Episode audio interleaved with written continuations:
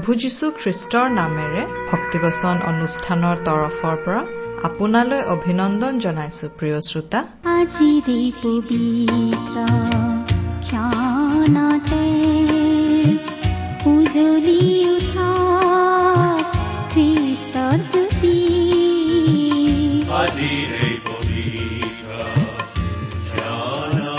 প্ৰিয় শ্ৰোতা আজিৰ এই অনুষ্ঠানত আপোনাক লগ পাই বৰ ভাল লাগিছে। আশা কৰোঁ আপুনি ভালে কুশলে আছে। ভক্তিবচন অনুষ্ঠানত প্ৰচাৰ হোৱা ঈশ্বৰৰ বাক্যসমূহে আপোনাক কেনেদৰে সহায় কৰিছে জানিবলৈ আমাৰ বৰ মন যায়। কেতিয়াবা দুষাৰিমান আমালৈ লিখি পঠিয়াবচোন। আমাৰ ঠিকনাতে অনুষ্ঠানটিৰ শেষত কোৱা হ'ব। আপুনি কলম আৰু কাগজ সাজু কৰি থব ঈশ্বৰৰ যি দয়া কৰোণা আমি পাইছো তাকেই এই অনুষ্ঠানৰ যোগেৰে জনাবলৈ পাই আমি অতি আনন্দিত। আপোনাৰ পৰাও জানিবলৈ পালে আমি বৰ বেছি উৎসাহিত হওঁ। কিয়নো ঈশ্বৰে আমাক সকলোৰে যত্ন লয়। আপোনাৰো যত্ন লৈ আছে। নিশ্চয় আপোনাকো অনেক আশীৰ্বাদ কৰি আছে। দুখ কষ্টত পৰিলে তেওঁ উদ্ধাৰ কৰিছে। বেজাৰৰ সময়ত তেওঁ আহি সান্তনা দিছে। হয়তো ৰোগত পৰোতে সুস্থতা দিছে। তেওঁ সদায় আপোনাৰ বিভিন্ন পৰিস্থিতিত যত্ন লৈ আছে। তেওঁ আচৰিত মৰমীয়াল ঈশ্বৰ। তেওঁৰ মৰমবোৰ আশীৰ্বাদবোৰ স্বীকাৰ কৰিলে। সোঁৱৰণ কৰিলে। সেইবোৰ দুগুণে বাঢ়ে। আহক আমি প্ৰতিদিনে ঈশ্বৰৰ পৰা পাই থকা আশীৰ্বাদবোৰ ইজনে আনজনৰ লগত প্ৰকাশ কৰোঁ।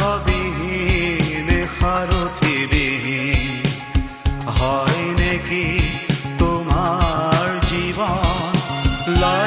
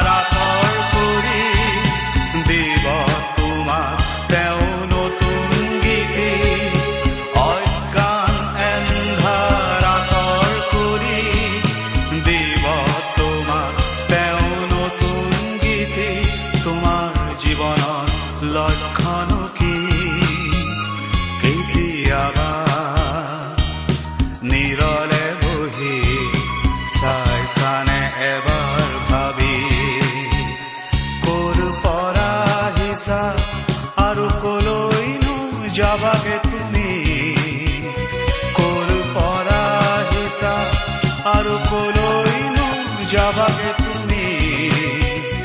তোমাৰ জীৱনৰ লক্ষণ কি? কেতিয়াবা নিৰলে বহি চাই চানে এবাৰ ভাবি? আমাৰ মহান ত্ৰাণকৰ্তা প্ৰভু যীশুখ্ৰীষ্টৰ নামত নমস্কাৰ প্ৰিয় শ্ৰোতা। প্ৰথমতে আপোনাক ধন্যবাদ জনাইছো আমাৰ এই অনুষ্ঠান শুনি থকাৰ বাবে। এই বাইবেল অধ্যয়নৰ অসমীয়া অনুষ্ঠান আমি অতি আগ্ৰহেৰে প্ৰস্তুত কৰো আমাৰ শ্ৰোতাসকলৰ কিবা উপকাৰ হওক বুলিয়েই। আমাৰ শ্ৰোতাসকলে যেতিয়া এই অনুষ্ঠান শুনি কিবা প্ৰকাৰে উপকৃত হোৱা বুলি আমালৈ লিখে আমি যথেষ্ট আনন্দ পাওঁ উৎসাহ পাওঁ। আৰু সেইবাবেই আমি শ্ৰোতাসকলক সদায় অনুৰোধ কৰি আহিছো আমালৈ মাজে সময়ে চিঠি পত্ৰ লিখি থাকিবলৈ। আপুনি বাৰু কেতিয়াবা চিঠি পত্ৰ লিখিছেনে? অনুগ্ৰহ কৰি আজি এই দুখাৰিমান লিখি পঠিয়াওকচোন। এই অনুষ্ঠান শুনি কেনে পালে আমাক জনাওক। আহকচোন। বাইবেল অধ্যয়ন আৰম্ভ কৰাৰ আগতে আমি খন্তেক প্ৰাৰ্থনাত মূৰ দুৱাওঁ। স্বৰ্গত থকা অসীম দয়ালু কৰুণাময় পিতা তোমাৰ মহান বাক্য বাইবেল শাস্ত্ৰ অধ্যয়ন কৰি তোমাক ওচৰৰ পৰা লগ পাবলৈ তোমাৰ মাত শুনিবলৈ তুমি আমাক এই সুযোগ দান কৰাৰ কাৰণে তোমাক ধন্যবাদ দিছো। প্ৰাৰ্থনা কৰিছো তোমাৰ বাক্য তুমি আমাক বুজাই দিয়া। আমাৰ প্ৰয়োজন অনুসাৰে তুমি আমাক কথা কোৱা। আৰম্ভণিৰ পৰা শেষলৈকে তুমিয়েই আমাৰ চলাওঁতা হোৱা। কিয়নো এই প্ৰাৰ্থনা আমাৰ মহান ত্ৰাণকৰ্তা মৃত্যুঞ্জয়ী প্ৰভু যীশুখ্ৰীষ্টৰ নামত আগবঢ়াইছো। আমেন।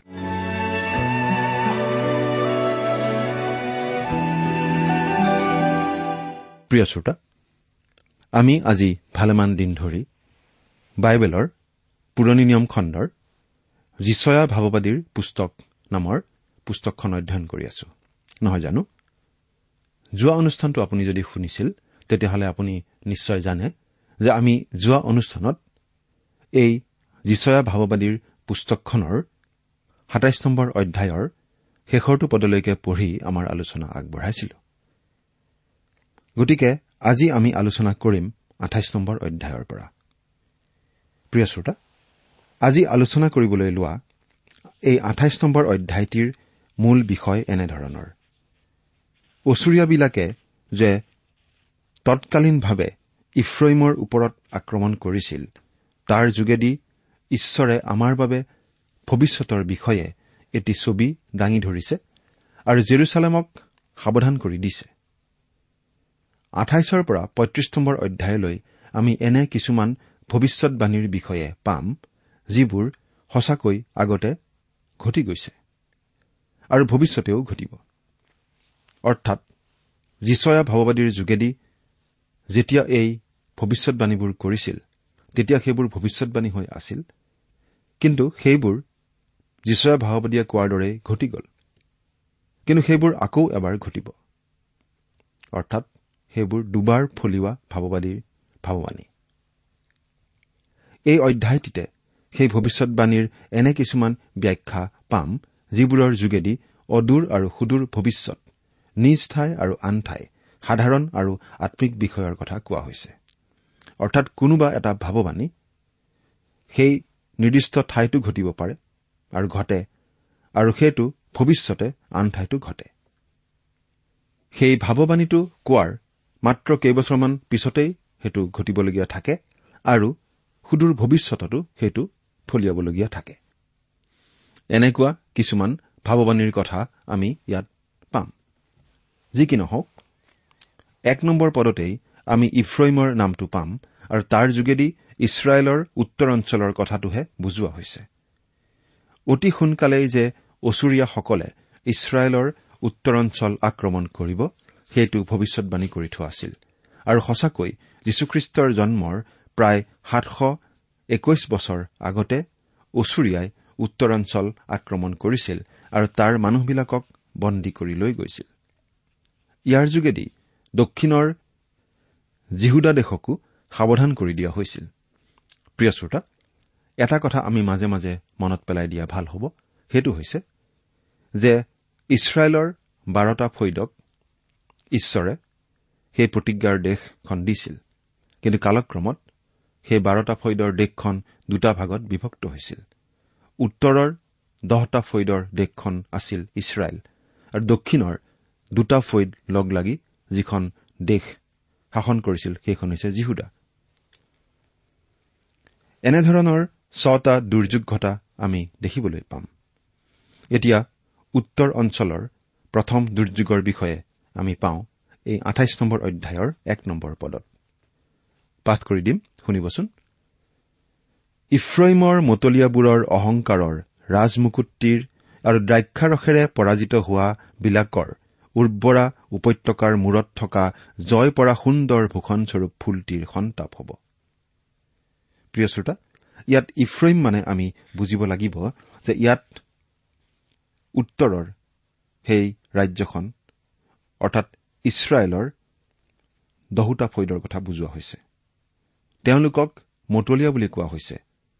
তেওঁলোক সঁচাকৈয়ে শাৰীৰিক আৰু আম্মিকভাৱে মতলীয়া আছিল। তেওঁলোকে মদ খাই মতলীয়া হৈছিল আৰু অহংকাৰতো মতলীয়া হৈছিল। দুই আৰু তিনি নম্বৰ পদ। চোৱা প্ৰভুৰ এজন পৰাক্ৰমী আৰু বলৱান লোক আছে। সি শিল পৰা ধুমুহাৰ নিচিনাকৈ প্ৰলয় কৰোতা প্ৰচণ্ড বতাহৰ নিচিনাকৈ তল নিয়াওতা প্ৰবল ঢল পানীৰ সোঁতৰ নিচিনাকৈ তাৰ নিজ হাতেৰে তাক মাটিত পেলাই দিব। ইফ্ৰইমৰ মতলীয়াবোৰৰ অহংকাৰৰ ৰাজমুকুটটি ভৰিৰে গছকা হ'ব। প্ৰিয় শ্ৰোতা ইয়াত অচুৰীয়াক পৰাক্ৰমী আৰু বলৱান লোক প্ৰচণ্ড ধুমুহা প্ৰবল বানপানী আৰু প্ৰলয়কাৰী বতাহ বুলি কোৱা হৈছে। এই অচুৰীয়াৰ যোগেদি ঈশ্বৰে ইছৰাইলক আঘাত কৰিছিল। এই কথা হয়তো আমি শুনি ভাল নাপাবও পাৰোঁ। কিন্তু ঈশ্বৰে তাকেই কৰিছিল আৰু তাৰ বাবে ঈশ্বৰ দোষী নহয় বা দূষিতও নহয় কাৰণ তেওঁলোক মতলীয়া আছিল। তাৰ প্ৰমাণ যদি আপুনি বিচাৰে তেন্তে আজিও ইছৰাইলৰ উত্তৰ অঞ্চললৈ গৈ ধুনীয়া ধুনীয়া ঘৰ বাগিচা আৰু গছবোৰ চাব পাৰে। আহব ৰজা আৰু ইজেবলে বাস কৰা ঠাইবোৰ চাব পাৰে। সেইবোৰ দেখিলে আপুনি গম পাব যে তেওঁলোকে খোৱা বোৱা পিন্ধা উৰা ৰং ৰহস্য বিলাসিতা ইত্যাদিত মতলীয়া হৈ আছিল। অহংকাৰত তেওঁলোক অন্ধ হৈ পৰিছিল। তেওঁলোক দুষ্টতাৰে ভৰা লোক হৈ পৰিছিল। সেই সময়ত তেওঁলোকক দেখিলে আপুনি নিশ্চয় ভাবিলেহেঁতেন যে ঈশ্বৰে তেওঁলোকৰ বিচাৰ নকৰে নেকি? ঈশ্বৰে বিচাৰ কৰে আৰু সেই বিচাৰৰ বিষয়ে আমি আলোচনা কৰি আছো। আৰু ইতিমধ্যে আমি জানিব পাৰিছো যে ঈশ্বৰে অচুৰীয়াবিলাকৰ দ্বাৰা তেওঁলোকক সঁচাকৈয়ে আঘাত কৰিছিল আৰু তেওঁলোকক সেই দেশৰ পৰা বন্দী কৰি লৈ যোৱা হৈছিল। ইয়াৰ পাছত যিচয়া ভাৱবাদীয়ে সেইদিনা বুলি কৈ ভৱিষ্যতৰ বিষয়ে কিছুমান কথা কৈছে। সেইদিনা মানে ভৱিষ্যতে আহিবলগীয়া শেষৰ কাল। সেই মহাক্লেশৰ আৰম্ভণিৰ পৰা প্ৰভু যীশুৰ হাজাৰ বছৰীয়া ৰাজত্বলৈ যি কাল সেয়েই সেই শেষ কাল। এই বিষয়ে চাৰি আৰু পাঁচ নম্বৰ পদ শুনিবচোন।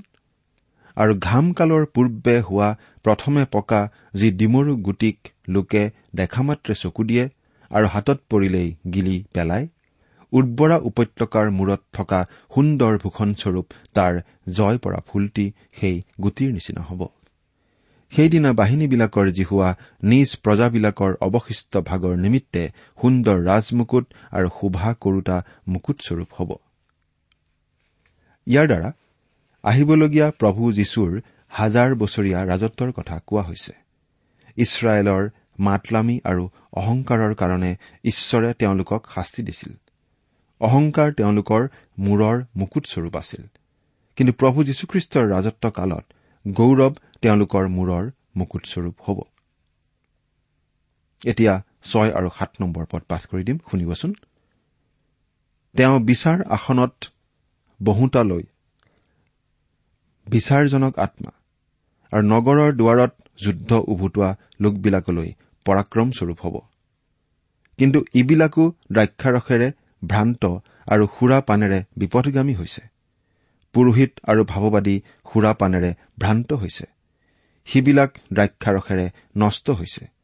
সুৰা পানেৰে বিপথগামী হৈছে আৰু দৰ্শনত ভ্ৰান্ত আৰু বিচাৰত বিচলিত হৈছে। এজন ডাঙৰ ব্যৱসায়ী মানুহে কৈছিল যে মানুহে যেতিয়া অতিপাত মদ খাবলৈ লয় তেতিয়া জানিব লাগিব যে ঘৈণীয়েকৰ লগত তেওঁৰ ভাল সম্বন্ধ নাই। তেওঁৰ বিচাৰ শক্তি হ্ৰাস পাইছে। ব্যৱসায় তেওঁৰ ভালদৰে চলা নাই আৰু অধিক পাপত তেওঁ লিপ্ত হবলৈ লৈছে। বহু বছৰৰ অভিজ্ঞতা আৰু নিৰীক্ষণৰ পৰা তেওঁ এই কথা কৈছিল। ঈশ্বৰেও ইছৰাইলৰ উত্তৰ অঞ্চলৰ মানুহবিলাকক বহু বছৰ নিৰীক্ষণ কৰাৰ পাছত কৈছে যে তেওঁলোকে অতিপাত মদ খাই ভ্ৰান্ত হল। তেওঁলোক অপথে গ'ল আৰু বিচাৰ শক্তি নোহোৱা হল। এতিয়া আঠৰ পৰা তেৰ নম্বৰ পদলৈ শুনিবচোন। কিয়নো আটাইবোৰ মেজ বাতিৰে আৰু মলেৰে পূৰ হৈছে কোনো চাফা ঠাই নাই। তেওঁ কাক জ্ঞান শিকাব আৰু কাকনো বাৰ্তাটি বুজাই দিব? গাখীৰ এৰুওৱা আৰু পিয়াহ খাবলৈ নিদিয়া কেঁচুৱাবিলাকক নে? কিয়নো বিধিৰ উপৰি বিধি বিধিৰ উপৰি বিধি শাৰীৰ উপৰি শাৰী শাৰীৰ উপৰি শাৰী। ইয়াত অলপ তাত অলপ। বাস্তৱিকতে তেওঁ বিদেশী উঠেৰে আৰু পৰভাষাৰে এই লোকবিলাকক কথা কব। তেওঁ তেওঁবিলাকক কৈছিল এইয়ে জিৰণি তোমালোকে ভাগৰ পোৱাক জিৰণি দিবা আৰু এইয়ে বিশ্ৰাম। তথাপি তেওঁবিলাকে শুনিবলৈ সন্মত নাছিল। এই হেতুকে তেওঁবিলাকে গৈ যেন উজুতি খাই চিত হৈ পৰি ভগ্ন হ'ব আৰু ফাণ্ডত ধৰা পৰিব এই নিমিত্তে তেওঁবিলাকলৈ জিহুৱাৰ বাক্য বিধিৰ উপৰি বিধি বিধিৰ উপৰি বিধি শাৰীৰ উপৰি শাৰী শাৰীৰ উপৰি শাৰী। ইয়াত অলপ তাত অলপ হ'ব। প্ৰিয় শ্ৰোতা আজিকালি বহুতো খ্ৰীষ্টিয়ান মানুহ আছে যিসকলে খ্ৰীষ্টীয় জীৱনটো ভাল নাপায়। সঁচা কথা কবলৈ গ'লে তেওঁলোকে ঈশ্বৰৰ বাক্যলৈ মনোযোগ নিদিয়ে আৰু যেতিয়া বিপাঙত পৰে তেতিয়া গৈ কোনোবা দীঘলীয়া বাইবেল আলোচনাত যোগ দিয়ে আৰু তাত কেনেকৈ বৈবাহিক জীৱন চলাব লাগে কেনেকৈ শাহুৰ লগত ব্যৱহাৰ কৰিব লাগে কেনেকৈ নিজৰ ল'ৰা ছোৱালীক শিক্ষা দিব লাগে কেনেকৈ খ্ৰীষ্টীয় আচৰণ কৰিব লাগে একেলগে শিকি লয়। কিন্তু আমি আপোনাক স্বৰূপকৈ ক'ব খোজো যে এনেকুৱা আকস্মিক শিক্ষা বা আৱেগিক অভিজ্ঞতাই কোনো সমস্যা সমাধান কৰিব নোৱাৰে। খ্ৰীষ্টীয় জীৱনত আপুনি একেদিনাই সাৰ্থক হ'ব নোৱাৰে। খ্ৰীষ্টীয় জীৱনত বৃদ্ধি পাবলৈ এটাই মাত্ৰ উপায় আছে আৰু সেইটো হৈছে দিনে দিনে প্ৰতিদিনে লাহে লাহে এই জীৱনত আগবাঢ়িব লাগিব। সেইকাৰণে ইছৰাইলৰ বাবে ঈশ্বৰৰ বাক্য অলপ অলপকৈ শাৰী শাৰীকৈ আহিছিল। ইয়াত অলপ তাত অলপকৈ আহিছিল। ঈশ্বৰৰ বাক্য তেওঁলোকে প্ৰায় সদায় পাই আছিল আৰু সেইমতে চলিব লাগিছিল কিন্তু চলা নাছিল। সেইকাৰণে তেওঁলোক অপথে গৈছিল। সেই একেধৰণৰ খ্ৰীষ্টিয়ান আজিও বহুত আছে। তেওঁলোক যে দুৰ্বল আৰু জ্ঞানহীন বা অশিক্ষিত এনে নহয়। কিন্তু ঈশ্বৰৰ বাক্যৰ বাবে বেছি সময় নিদিয়ে। কিন্তু ঈশ্বৰে যেনেকৈ তেওঁৰ বাক্য লাহে লাহে শাৰী শাৰীকৈ দিছে তেনেকৈ আমিও খ্ৰীষ্টীয় জীৱনত দিনে দিনে অলপ অলপকৈ বৃদ্ধি পাই থাকিব লাগে। আৱেগিকভাৱে নহয়। চৈধ্য নম্বৰ পদত আমি এনেদৰে পাওঁ এতেকে জিৰচালেমত থকা এই জাতিক শাসন কৰোতা হে নিন্দা প্ৰিয় মানুহবিলাক জিহুৱাৰ বাক্য শুনা। ইয়াত কোৱা হৈছে যে ইছৰাইলৰ উত্তৰ অঞ্চলত যি দুৰ্যোগ হৈছিল তাৰ দ্বাৰা জিহুদাৰ দক্ষিণ অঞ্চলৰ মানুহবিলাকে শিক্ষা পাব লাগিছিল। যি কি নহওক উত্তৰাঞ্চলৰ দ্বাৰা ঈশ্বৰে জিৰচালেমক কথা কৈছিল আৰু জিৰচালেমৰ দ্বাৰা আজি তেওঁ আমাক কথা কৈ আছে। কি কৈ আছে? অতীতত কি কি ঘটিছিল আৰু ভৱিষ্যতে কি কি ঘটিব সেইবিলাক তেওঁ আজি আমাক কৈ আছে। বাতৰি কাকতত ঘটি যোৱা ঘটনাবোৰ পোৱা যায়। আৰু তাৰ প্ৰতি মানুহৰ ইমান আগ্ৰহ। কিন্তু ঈশ্বৰৰ বাক্যত ভৱিষ্যতে কি ঘটিব তাক কোৱা হৈছে। তথাপিতো ঈশ্বৰৰ বাক্যৰ প্ৰতি মানুহৰ আগ্ৰহ নাই। বৰ দুখ লগা কথা। পোন্ধৰ নম্বৰ পদ। কাৰণ তোমালোকে কলা আমি মৃত্যুৱে সৈতে এটি নিয়ম স্থাপন কৰিলো আৰু চিউলে সৈতে আমাৰ সন্ধি আছে। প্ৰলয় কৰোতা আপদস্বৰূপ ঢল পানী দেশৰ মাজেদি গলে আমাৰ ওচৰ নাচাপিব। কিয়নো আমি মিছাকে আমাৰ আশ্ৰয় আৰু চলকে আমাৰ লুকুৱা ঠাই কৰিলো। প্ৰিয় শ্ৰোতা মৃত্যু আৰু চিউলে সৈতে কৰা এই নিয়মটি কি বাৰু? দানিয়েল ভাৱবাদীয়ে এটা নিয়মৰ কথা কৈছে যিটো ইছৰাইলে খ্ৰীষ্টাৰীৰ লগত কৰিব। সেই নিয়মটি আমি দানিয়েল ন নম্বৰ অধ্যায়ৰ সাতাইছ নম্বৰ পদত পঢ়িবলৈ পাওঁ।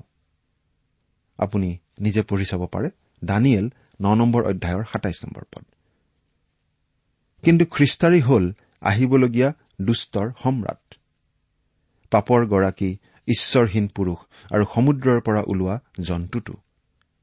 সি সম্পূৰ্ণৰূপে ছয়তানৰ দ্বাৰা নিয়ন্ত্ৰিত হ'ব। ষোল্ল নম্বৰ পদ। এইকাৰণে প্ৰভুজী হোৱাই এইদৰে কৈছে চোৱা মই চিউনত ভিত্তিমূলৰ নিমিত্তে এটি শিল এটি পৰীক্ষিত শিল দৃঢ়কৈ বহুওৱা চুকৰ এটি বহুমূল্য শিল স্থাপন কৰিলো। যি মানুহে বিশ্বাস কৰিব তেওঁ অধৈৰ্য নহ'ব। প্ৰিয় শ্ৰোতা পাপৰ গৰাকী ছয়তানে মহাক্লেশৰ শেষলৈকে ৰাজত্ব কৰিব আৰু মানুহক ভ্ৰান্ত কৰিব। কিন্তু তাৰ ভ্ৰান্তিৰ পৰা ৰক্ষা পাবলৈ ঈশ্বৰে এটা উপায় দিছে। আৰু সেই উপায়টো এটি ভিত্তিমূল এটি শিল দৃঢ়কৈ বহুওৱা এটি পৰীক্ষিত শিল। আৰু সেই শিলৰ ওপৰত যিয়ে বিশ্বাস কৰে যিয়ে খোপনি পাতে তেওঁ অধৈৰ্য হ'ব নালাগে। সেই শিলৰ ওপৰত বিশ্বাস কৰা যেনে জিৰণি পাব। এই শিলৰ বিষয়ে প্ৰথম পিতৰ দুই নম্বৰ অধ্যায়ৰ ছয় নম্বৰ পদৰ পৰা আঠ নম্বৰ পদলৈকে এইদৰে কোৱা হৈছে। চোৱা মই চিউনত মনোনীত আৰু বহুমূল্য চুকৰ এক প্ৰধান শিল স্থাপন কৰিলো। যিজনে তেওঁত বিশ্বাস কৰে তেওঁ কোনোমতে লাজত নপৰিব। এতেকে বিশ্বাস কৰা যি তোমালোক সেই বহুমূল্যতা তোমালোকৰ নিমিত্তেই। কিন্তু অবিশ্বাস কৰাবিলাকৰ নিমিত্তে ঘৰ সজীয়াবিলাকে যি শিল অগ্ৰাহ্য কৰিলে সেয়ে চুকৰ প্ৰধান শিল হল। আৰু উজুতি খুওৱা শিল বিঘ্নজনক শিল হল। তেওঁবিলাকে বাক্য অমান্য কৰাত উজুতি খায়। তাৰ কাৰণেই তেওঁলোক নিযুক্ত হৈছিল। এই পদকেইটিৰ পৰা আমি ভালদৰে বুজিব পাৰো যে ঈশ্বৰে স্থাপন কৰা চুকৰ প্ৰধান শিল হল প্ৰভু যীশুখ্ৰীষ্ট। তেওঁৰ ওপৰত বিশ্বাস কৰাজনে জিৰণি পায়। এতিয়া সোতৰৰ পৰা ঊনৈশ পদলৈকে পঢ়ি দিম।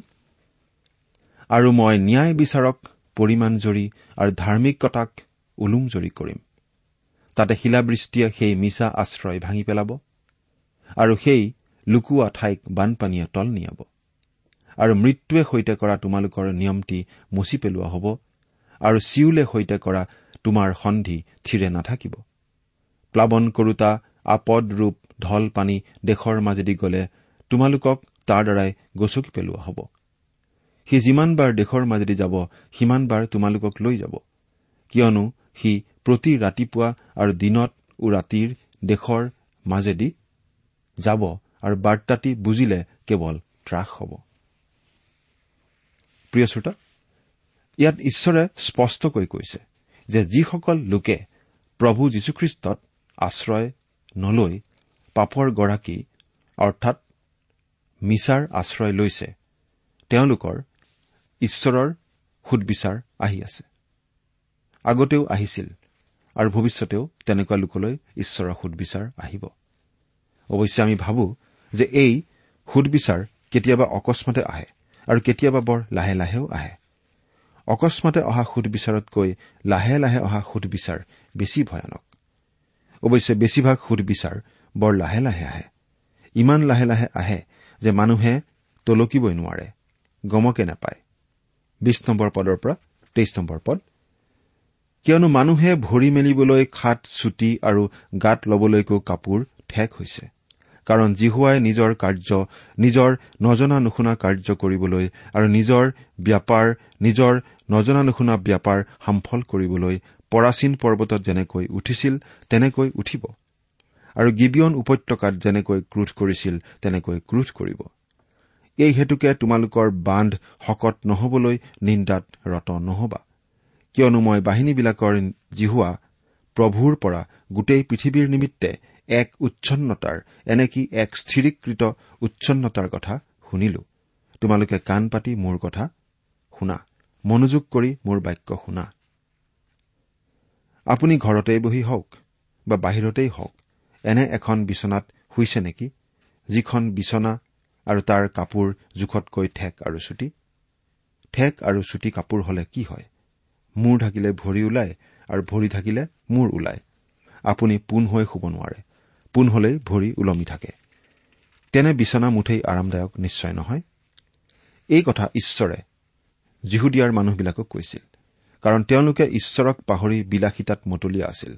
অৱশ্যে এশ বছৰ ধৰি ঈশ্বৰে তেওঁলোকলৈ বাট চাইছিল কিন্তু নাই। তেওঁলোক সলনি হোৱা নাছিল। সেইকাৰণে ঈশ্বৰে তেওঁলোকক এই শাস্তি দিছিল। তেওঁলোকক শত্ৰুৰ হাতত বন্দী হৈ যাবলৈ দিছিল। প্ৰিয় শ্ৰোতা এই অধ্যায়টিৰ বাকী অংশখিনিত ঈশ্বৰৰ লোকসকলৰ ওপৰত তেওঁৰ সুদবিচাৰৰ বিষয়ে কোৱা হৈছে আৰু এই কথাখিনি ঈশ্বৰে শস্যৰ গুটিৰ দৃষ্টান্তেৰে কৈছে। তেওঁ কৈছে যে কিছুমান গুটি নৰম আৰু কিছুমান টান আৰু বেলেগ বেলেগ গুটি গুৰি কৰাৰ পদ্ধতিও বেলেগ বেলেগ। এই বিষয়ে চৌব্বিছৰ পৰা ছাব্বিছ পদলৈ শুনিবচোন। গুটি ববৰ নিমিত্তে জানো খেতিয়কে সদায় হাল বায়। তেওঁ জানো সদায় খলি কাটে।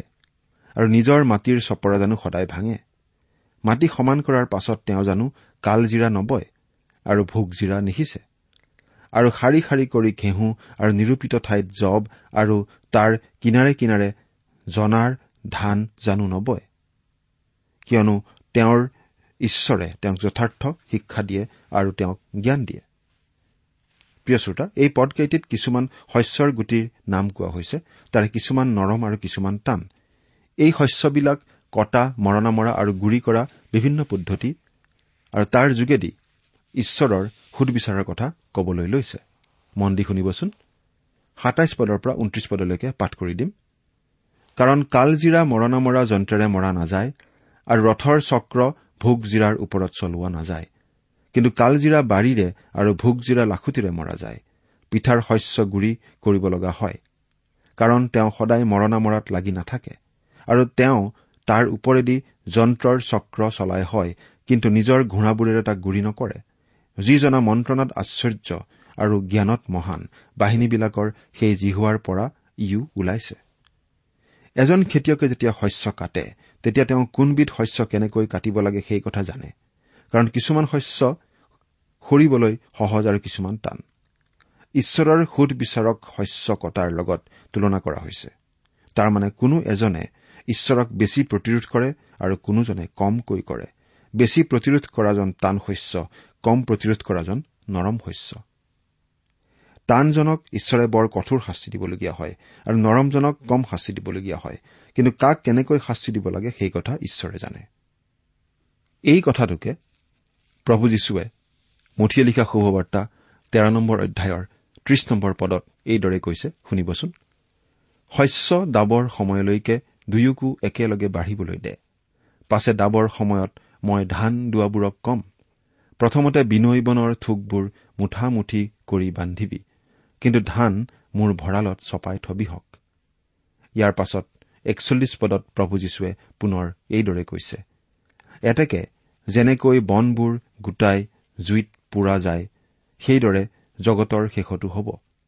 মানুহৰ পুত্ৰই তেওঁৰ দূতবিলাকক পঠাই দিব আৰু তেওঁলোকে তেওঁৰ ৰাজ্যৰ পৰা সকলো বিঘ্নজনক বিষয় আৰু অধৰ্মচাৰীবোৰক গোটাই অগ্নিকুণ্ডত পেলাব। এয়া হ'ল মানুহৰ বাবে ঈশ্বৰৰ স্পষ্ট ঘোষণা। আপুনি যদি অগ্নিকুণ্ডত পৰিবলৈ ইচ্ছা নকৰে তেন্তে ঈশ্বৰক প্ৰতিৰোধ কৰি নাথাকিব আৰু পাপৰ গৰাকী ছয়তানৰ আশ্ৰয় নলব। বিশ্ৰাম জিৰণি শান্তি আনন্দ অনন্ত জীৱন ইত্যাদিৰ বাবে প্ৰভু যীশুৰ আশ্ৰয় লওক। ঈশ্বৰে আপোনাক আশীৰ্বাদ কৰক। আহমেন তোমাৰ অবিহনে আজি মোৰে জীৱন আৰু একো নিবিচাৰো। ইমান পৰে আপুনি বাইবেল শাস্ত্ৰৰ পৰা ঈশ্বৰৰ বাক্য শুনিলে। এই বিষয়ে আপোনাৰ মতামত জানিবলৈ পালে আমি নথৈ আনন্দিত হ'ম। আমি প্ৰস্তুত কৰা বাইবেল অধ্যয়নৰ চিডিসমূহ পাব বিচাৰিলে আৰু অনুষ্ঠানত প্ৰচাৰ কৰা কোনো কথা বুজিব লগা থাকিলেও আমালৈ লিখক। আমাৰ যোগাযোগৰ ঠিকনা ভক্তিবচন ট্ৰান্সৱৰ্ল্ড ৰেডিঅ' ইণ্ডিয়া ডাক বাকচ নম্বৰ সাত শূন্য গুৱাহাটী সাত আঠ এক শূন্য শূন্য এক। ঠিকনাটো আকৌ এবাৰ কৈছো ভক্তিবচন ট্ৰান্সৱৰ্ল্ড ৰেডিঅ' ইণ্ডিয়া ডাক বাকচ নম্বৰ সাত শূন্য গুৱাহাটী সাত আঠ এক শূন্য শূন্য এক। আমাৰ ইমেইল এড্ৰেছটো হৈছে Assamese T TV at the rate radio' eight eight two dot com. আমাৰ website W W W dot T W R dot in. আপুনি টেলিফোনৰ মাধ্যমেৰেও আমাক যোগাযোগ কৰিব পাৰে। আমাৰ টেলিফোন নম্বৰটো হৈছে nine eight five four zero' four zero' eight eight nine. Phone নম্বৰটো আকৌ এবাৰ কৈছো ন আঠ পাঁচ চাৰি শূন্য চাৰি শূন্য আঠ আঠ ন। আপুনি এই ভক্তিপচন অনুষ্ঠানটি আমাৰ website W W W dot radio' eight eight two dot কমতো শুনিব পাৰিব। আজিৰ অনুষ্ঠানটি ইমানতেই সামৰিছো। ঈশ্বৰৰ শান্তি আৰু অনুগ্ৰহ আপোনাৰ লগত থাকক। ধন্যবাদ।